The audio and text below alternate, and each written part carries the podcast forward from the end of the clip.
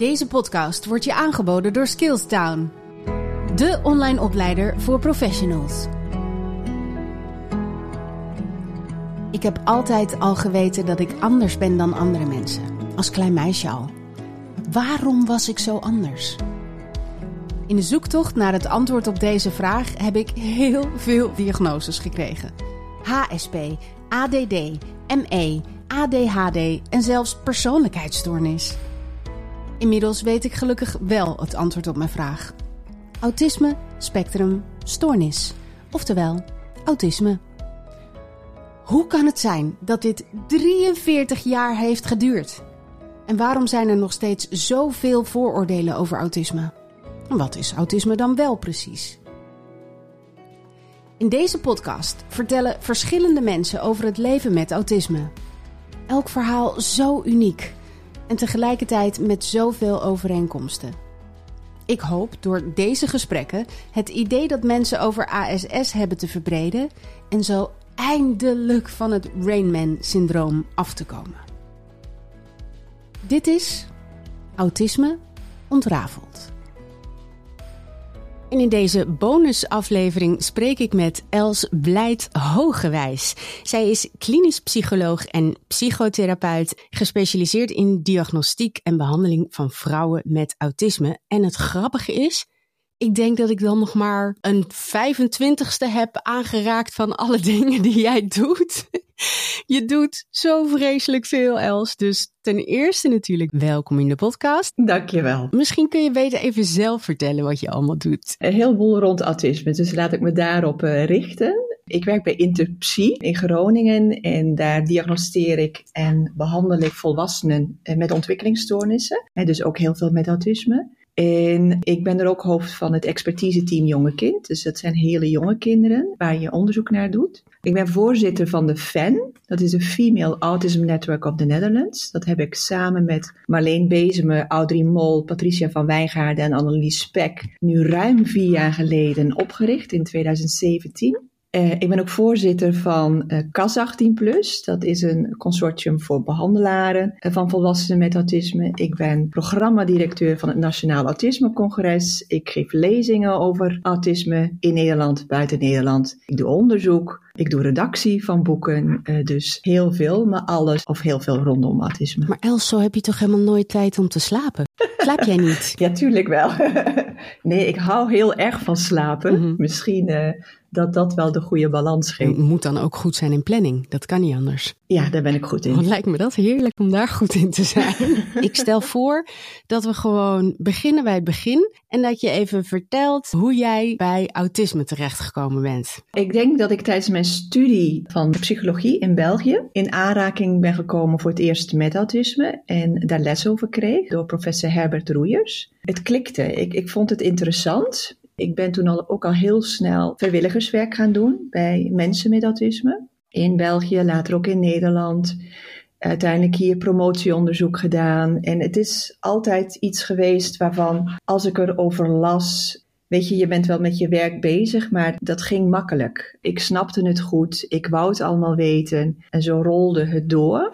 En uiteindelijk heb ik zelf twaalf jaar geleden ook een nichtje gekregen, die uiteindelijk ook autisme bleek te hebben. Aha, dus dat was een extra mooie motivatie om het door te pakken. Ja, dan ga je nog meer mee door. Ja, ja. ja. en weet je ja. waarom het klikte? Wat was het in autisme dat je zo aantrok? Oeh, dat is een moeilijke vraag. Weet je dat ik daar eigenlijk geen antwoord op kan geven? Uh -huh. Heel vaak wordt ook gezegd, ja, een soort van bitten by the bug. Ik denk dat door, hè, misschien wat je aan het begin zei van, goh, hè, kun je dan ook goed organiseren en zo.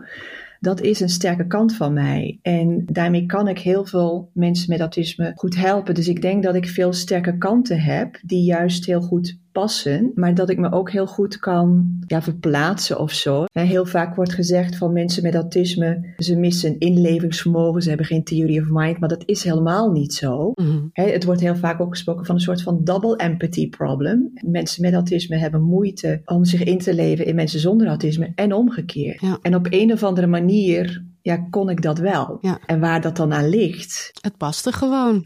Er zijn nog steeds heel veel mensen die niet precies weten wat autisme is. En het is natuurlijk ook iets wat moeilijk uit te leggen is. Het Mhm. spectrum is heel breed. Dan is het ook nog eens zo dat er veel vooroordelen aan kleven. En dat is de voornaamste reden waarom ik ben begonnen met de podcast. Omdat ik zo'n beetje bij geen enkel vooroordeel eh, pas. Net zoals heel veel vrouwen. Ik lijk niet op Brain Man. En het leek mij leuk om in de podcast zoveel mogelijk verhalen te verzamelen van mensen die allemaal een andere vorm, andere soort eh, autisme hebben. Ja.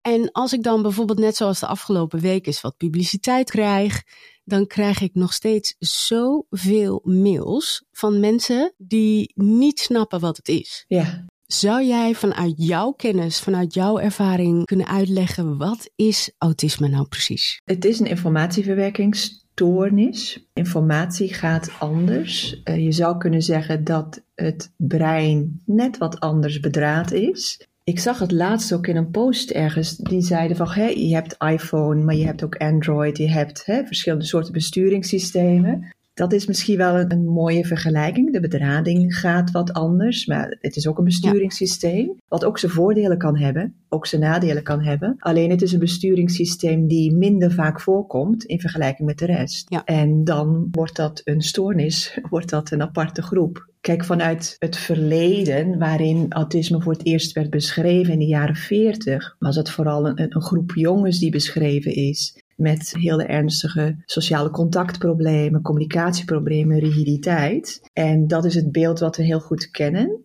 En bij vrouwen met autisme, maar ook mannen met autisme met een wat subtieler beeld, zie je dat dezelfde problemen er wel zijn, in essentie, maar zich soms wat anders uiten. Zoals bij jou. Hé, hey, je komt sociaal over.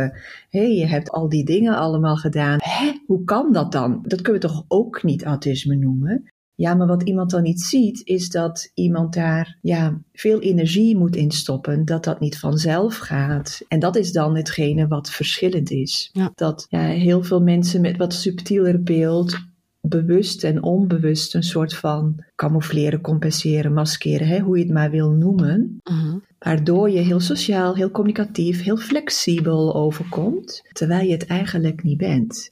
En als je dat maar lang genoeg doet zonder daar dan de hersteltijd voor te nemen, ja, dan krijg je allerlei bijkomende problemen. Ja. Maar jouw vraag was, hè, wat is nu autisme? Kijk, het lastige is ook dat ons beeld van autisme, dat verandert ook. Zoals het beeld van in de jaren 40 is niet meer het beeld zoals we nu hebben. Ook heel lang is gedacht dat het heel erg gekoppeld was ook met een verstandelijke beperking. Ook heel lang is gedacht dat het gekoppeld was met kinderen, geen volwassenen. De eerste mensen uit de jaren 40, die zijn nu pas oud. We kennen nu pas de eerste oude mensen met autisme. Nou, ondertussen komen er ook vrouwen bij. Ondertussen komen ook de hele kleintjes erbij. Dus het beeld verandert, maar het blijft wel zoeken van oké, wat noem je wel autisme, wat noem je geen autisme? Waar ligt nog de grens? Waar ik mee te maken heb binnen de GGZ, wanneer mag je het een, en dat is een beetje een lastig woord, stoornis noemen en wanneer niet? En wanneer heeft iemand misschien wat kenmerken, maar ga je dat geen autisme noemen? Of, of is het wat anders? Ja. ja, ik snap dat dat ook heel lastig moet zijn. En dat, dat het zo ehm, niet heel duidelijk is, maakt het natuurlijk lastig voor de buitenwereld om het dan te snappen. En wat dan vaak gebeurt in media, televisie, films, is dat je een duidelijk beeld probeert neer te zetten. En dat beeld is vaak een geromantiseerd beeld. En dan heb je de extremen van of heel, heel ernstig autistisch, of uh, mensen die bijzondere dingen kunnen, die meer savant zijn. Dat spreekt tot de verbeelding, maar dat heb je denk ik met allerlei dingen in films. Ja, ja dat is ook zo. Ik heb vanochtend toevallig een stukje zitten lezen weer over het begin en het ontstaan van het idee over autisme. En dat inderdaad, als ik me niet vergis, de eerste DSM uh, in 1952 uitkwam. Maar dat pas bij de derde DSM echt gesproken werd over autisme in 1980, als ik me niet vergis. Ja. Als je dus kijkt naar de DSM-5, die nu gebruikt wordt voor het diagnosticeren van onder andere autisme, denk je dan niet dat het even hard gezegd compleet achterhaald is? Zo, waarom? Waarom? Waarom? Ik gooi waarom? er gewoon in. nou, omdat ik heb twee keer het hele uh, traject doorlopen. Ik moest constant schakelen in mijn hoofd naar Oké, maar hoe betrek ik dit op mijn leven? Oké, maar hoe zie ik dit als vrouw? Voor mijn gevoel, maar Ik ben natuurlijk geen psychologe. Ik heb alleen mijn eigen ervaringen, de ervaring met man en zoon en wat mensen in mijn omgeving. Voor mijn gevoel is dat echt het klassieke autisme wat daar vooral in besproken wordt. Moeite hebt met sociaal zijn, moeite hebt met empathie, die dingen. Ik zie vrij weinig terug van de verhalen die ik nu hoor, van de berichten die ik nu krijg van mensen. Van hé, hey, ik heb juist te veel empathie. hey, ik ben wel sociaal, maar wat er van binnen gebeurt, het lijkt zo. Ja, ik kan geen ander woord bedenken dan achterhaald. Ik vind het niet achterhaald, want ik vind het DSM er ook nu weer beter op geworden. Eh, dat in ieder geval de sensorische problemen er ook in zijn gekomen. En de criteria zijn wat verstrengd ook geraakt. Maar je hebt natuurlijk de dunne DSM waarin je alleen de criteria hebt. En je hebt de dikke waar veel meer uitgelegd staat. Ja. En daar staat natuurlijk wel veel meer toegelicht. Alleen dat mag nog veel meer rondom meisjes en vrouwen verder toegelicht worden. Mhm. En ik hoop dat dat hierna ook verder gebeurt. Maar zo'n klassificatiesysteem loopt altijd ook wat achter. En criteria komen er pas in als er ook daadwerkelijk veel onderzoek naar gebeurd is en dat heel vaak is aangetoond, dan komt het er weer in. Dus er staan wel waarschuwingen in dat autisme bij meisjes gemist kan worden, juist ook vanwege Ehm, dat ze veel meer kunnen camoufleren.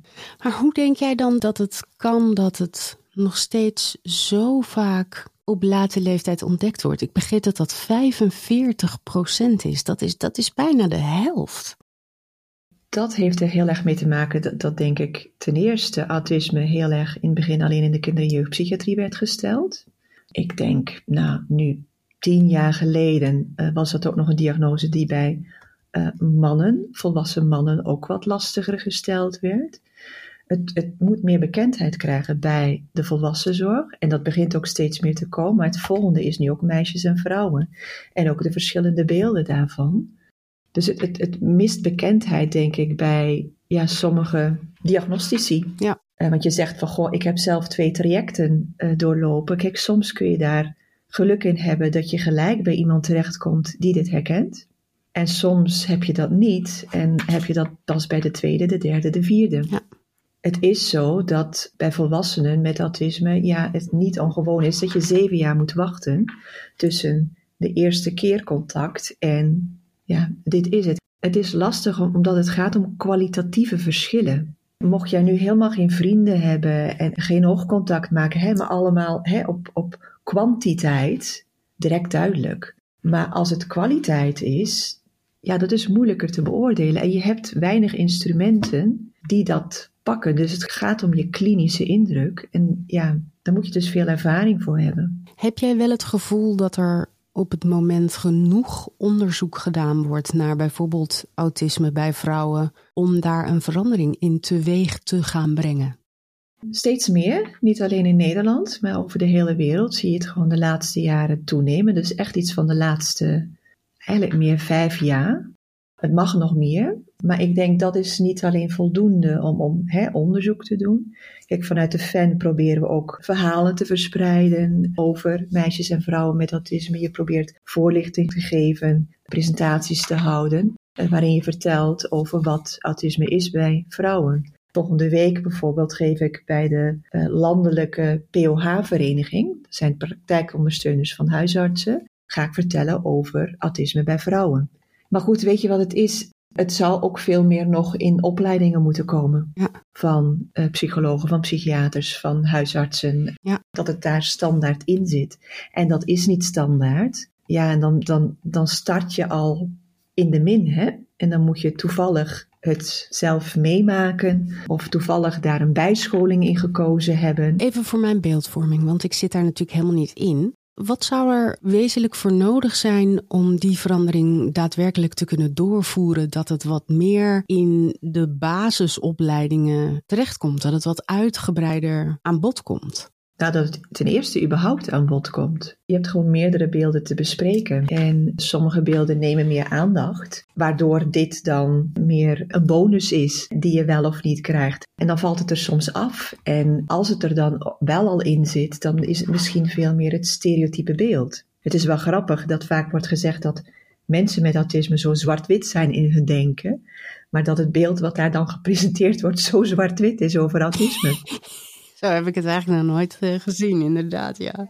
Ja, ja. Dus ja, wat kunnen we daaraan doen? Ik, ik denk wat jij ook doet, het verspreiden, Mhm.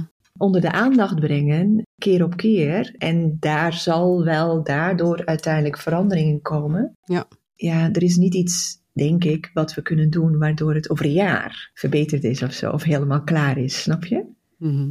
Dat zou wel mooi zijn. Nou ja, het belangrijkste is dat er beweging in komt. Ja, en die beweging doen we samen.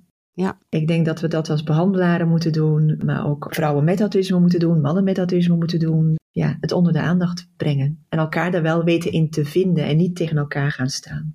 Je haalt nu een heel ehm, kwetsbaar punt voor mij aan, omdat Mm. ik op een gegeven moment toen ik wist wat er speelde, heb besloten om dat naar buiten te brengen. Juist omdat ik er steeds meer over ging leren. Ik ben dan ook inderdaad zo iemand. Ik ga dan 24 uur achter elkaar alles lezen wat ik kan vinden. Van de meest uitgebreide onderzoeken tot aan eh, nou ja, het hele traject met mijn man en met zoon. En ja, op een gegeven moment leer je steeds meer en ga je steeds meer begrijpen.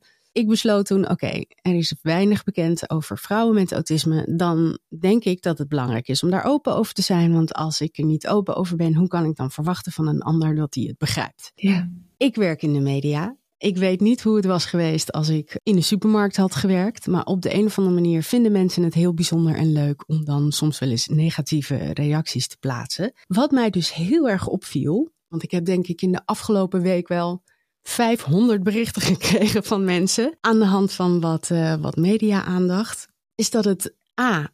veel minder negatieve reacties waren dan normaal. Oké. Juist heel veel, heel veel vrouwen die stuurden. Oh, ik herken me zo in je verhaal. Wat fantastisch. Ik voel me niet meer zo alleen. Of ik herken me zo in jouw verhaal. Ik ga maandag een afspraak maken bij de huisarts. Wauw. Want ik vraag me mijn hele leven al af waarom ik anders ben. Nou, dat is fantastisch, want daar, daar doe je het voor. Ja. En toch, ik had van tevoren met mezelf afgesproken: je gaat niet op negatieve reacties in. Maar Ah. uiteindelijk heb ik letterlijk iedereen zitten beantwoorden. Met mijn te veel empathie, omdat ik dan denk: ah, waarom de een wel en de ander niet? Dat kan je niet maken. Eerlijkheid. Dus ik ben daar echt een hele dag mee bezig geweest. Maar ik heb dus een aantal discussies gehad. die ik toch eens met je wilde bespreken. Ja. En een van de belangrijkste discussies was iemand die tegen mij zei: Sonja, ik ontken niet dat jij autisme hebt, want ik geloof dat het zo is, want ik hoor ook echt genoeg autisme terug. Maar een aantal dingen die jij noemt zijn geen autisme-kenmerken, maar zijn ADHD-kenmerken. Punt. ik had daar heel veel moeite mee. Alhoewel ik snap dat er een verschil is tussen ADHD en autisme, ADD en autisme, HSP en autisme. Dat snap ik. Toch heb ik een visie die sommige mensen dan dus spannend vinden. In mijn ogen is autisme een soort overkoepelende organisatie binnen mij. Als een soort hoofdkantoor. Onder dat hoofdkantoor hangen een aantal filialen. Waarvan bijvoorbeeld misofonie eentje is die bij mij heel erg speelt. Ik heb absoluut kenmerken van ADD. Maar voor mij zit dat onder de paraplu van mijn autisme. Ja. En we kwamen daar niet uit. Op een gegeven moment hebben we besloten, weet je, het, het is oké zo, we agree to disagree. Precies. Hoe zie jij dat? Zonder dat ik nu wil dat je gelijk het eh, gesprek gaat afkappen. Ehm, er zit overlap in, sowieso tussen autisme en ADHD.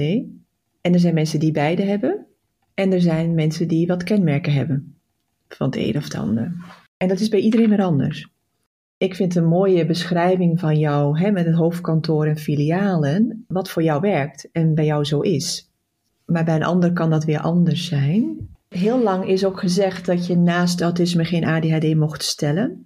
Tot en met de DSM-4 zat je safe. Oh ja? Dus vandaar misschien dat jij ook die DSM-5 niet wil, hè? achterhaalt. Want nu mag het weer wel. dat is Betrapt. Betrapt. Ik heb je door. Maar daarvoor moest je dus kiezen. Was het, je hebt autisme en meer mag daar niet bij? Ja, of je hebt ADHD en je had geen autisme. Oh, wauw. Een beetje heel zwart-wit nu ook verteld. Ja. Uh, maar het was wel veel meer het een of het ander. Uh, of het moest wel heel duidelijk twee verschillende dingen zijn. Nu stellen we dat veel vaker naast elkaar. Ja. Kijk, ik ken je verder niet, dus ik weet niet van, goh, heb je kenmerken of heb je comorbiditeit? Maar dat kan. Mhm. En hoe dat dan voor jezelf zit in je hoofd, ja, daar zoek je zelf een soort van beeld bij, waardoor dat Ja. voor jezelf kan werken. Ik zal een voorbeeld geven. Ik had in het programma half acht gezegd dat ik moeite heb met me te concentreren. En zij was er dus heilig van overtuigd dat dat absoluut geen kenmerk is van autisme, absoluut een kenmerk van ADHD. En ik had juist zoiets van, ja, ik snap dat dat voorkomt bij ADHD, maar volgens mij zijn er ook heel veel mensen met autisme die zich niet kunnen concentreren. Het is een hoofdcriterium bij ADHD, Mhm. hè? concentratieproblemen naast hyperactiviteit, impulsiviteit. Dus het hoort er zeker bij. En bij autisme kan het zijn dat dat het enigste is wat voorkomt. Ja, als je bijvoorbeeld ja, veel minder goed kunt filteren. Kijk, beide zijn informatieverwerkingsstoornissen. Beide hebben problemen met informatieverwerking. Beide kunnen concentratieproblemen geven. Ja. Beide kunnen executieve functieproblemen geven. Beide kunnen prikkelgevoeligheid geven. Dus er zit overlap in. Maar als jij veel meer van concentratieproblemen gaat noemen en ook een beetje drukkig misschien overkomt of wat impulsiever, dan gaat dat beeld veel meer kloppen. En kijk, het stellen van ADHD versus autisme, dan heb je echt als psycholoog of psychiater nodig om naar de jeugd ook te kijken. Ja, tuurlijk. Wat was er eerst? Wat was er daarna? Hoe zit het precies? En dan kun je het uit elkaar trekken. Maar ik denk van aandachtsproblemen kunnen ook voorkomen bij autisme, terwijl het geen eh, ADHD hoeft te zijn. Maar het kan ook het beide zijn.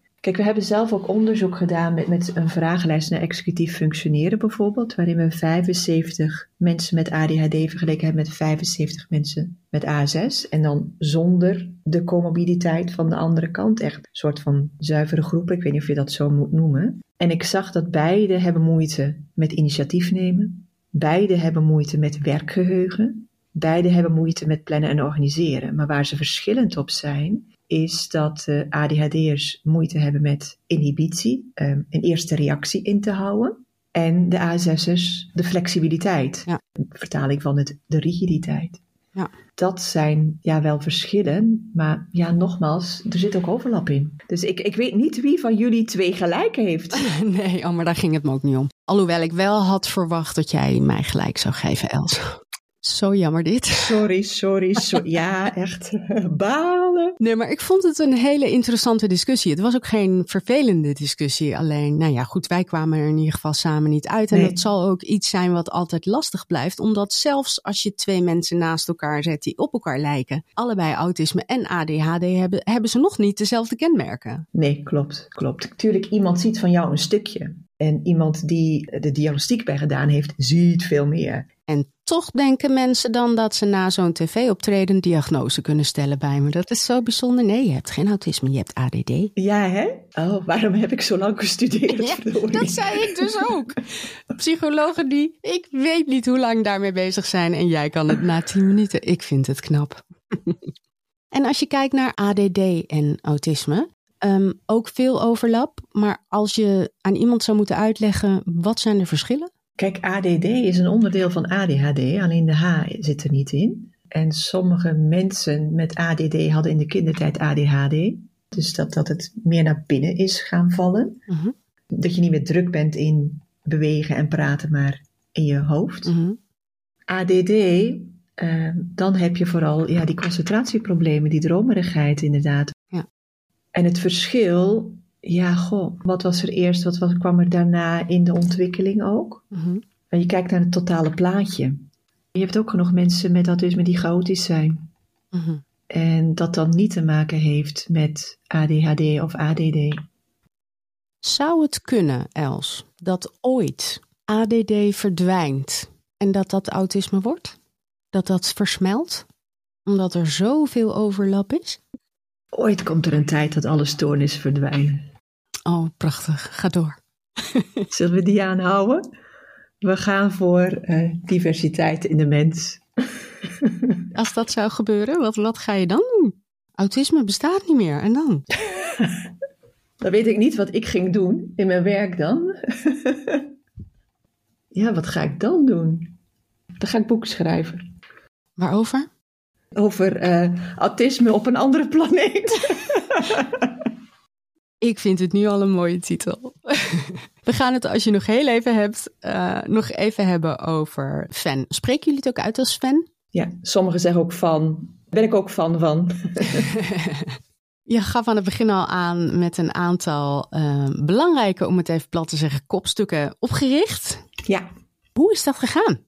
Nou, dat was een tijd waarin, dat is vier jaar terug, um, waarin er steeds meer aandacht kwam voor gendersensitieve zorg. Dus om, de genderverschillen in de zorg tussen mannen en vrouwen. Ja, heel veel beelden zijn gebaseerd op mannen, terwijl het bij vrouwen anders uit kan zien. En autisme is daar één van, maar je hebt ook andere beelden bij, wie bij wat dat geldt. Dus dat speelde toen heel erg. Je had subsidies uh, die daar rond starten in onderzoekswereld. Je zag dat het steeds meer aandacht kreeg, nationaal en internationaal. En wij hadden zoiets van: hé, hey, we zijn met z'n allen. Je zag dat er boeken verschenen over bijvoorbeeld Invisible Women, dat wij ook minder gezien worden in de zorg. En rondom autisme zag je dat ook. En we hadden zoiets van: goh, we zijn met z'n allen dit aan het uitvinden.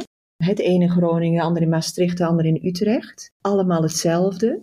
Joh, laten we dat gewoon samen doen, waardoor we meer kunnen bereiken en dit echte aandacht geven. Want we zagen natuurlijk ook wel in onze eigen praktijk dat er zoveel toen ook al meisjes en vrouwen kwamen waarbij de diagnose zo lang gemist was. En dus daar wilden we wat aan doen. En we wilden dat doen door ja, de drie groepen bij elkaar te brengen: behandelaars, onderzoekers, vrouwen met autisme. En samen producten te ontwikkelen die we kunnen verspreiden. En dat is begonnen met een klein groepje en dat groeit, ja, dat groeit en dat groeit. Ja, je probeert je boodschap op die manier te verspreiden. Ja. En inmiddels een household name. Ja. Heel veel uh, vrouwen over uh, heel Nederland verspreid weten jullie goed te vinden. En jullie Instagram-account bestond onlangs een jaar. Was een mooi jubileum om te vieren. Ja. Wat zijn, als het aan jou ligt, de dingen waar jullie je de komende tijd het meest op zouden moeten focussen? Laten we zeggen het komende jaar. Nou, waar we het komende jaar mee bezig zijn, is eh, de overgang bij vrouwen met autisme. Dat die nog te weinig aandacht krijgt. Want wat zou je daarover kunnen stellen? Nou, je wil vooral weten van hoe het bij hun in elkaar zit. Hoe dat werkt. Daar is gewoon nog heel weinig over bekend. We hebben een klein onderzoekje gedaan onder vrouwen. Bijvoorbeeld sensorische klachten. Eh, als vrouwen sensorische klachten hebben, ook veel meer klachten lijken te ervaren. Great. Sorry. Kijk er nu al naar uit. Maar goed, ik probeer het te onderzoeken wat het is. Dan kunnen we je daarna... Ja, Schiet op, Els. Hoe lang heb ik nog? Nou, ik word in februari 45 en mijn moeder die was wel vrij vroeg. Dus ik voel wel een beetje het vuur aan mijn schenen nu. Nou, komende jaar gaan we daarmee bezig. Ja. Ik vind het dus heel fijn om ook gewoon eens te horen vanuit iemand die A, geen autisme heeft zelf, maar ook wel echt verstand ervan heeft. Want er is zo vreselijk veel ruis. Ja. Maar het is ook wel fijn om gewoon af en toe eens gewoon wat verhelderende dingen te horen. Van, oh ja, ja, zie je wel, ik ben niet gek. Het is logisch dat het allemaal zo ingewikkeld is. Ja, mooi. Els, heel, heel erg bedankt voor je tijd. Graag gedaan. Vond het heel fijn, heel fijn gesprek. Mooi. En wie weet, tot ziens. Ja. Tot gauw. Tot volgende keer. Dit was hem dan, de allerlaatste aflevering van Autisme Ontrafeld bij Skillstown. Ik wil alle luisteraars natuurlijk ontzettend bedanken en ook alle gasten die hebben meegedaan. Niet getreurd, ik ga zeker niet stoppen met podcasts maken over autisme. Binnenkort ga ik hem zelf oppakken. Geef me daar alleen even de tijd voor. Houd daarvoor mijn socials in de gaten. Voor nu tot ziens en hopelijk tot dan.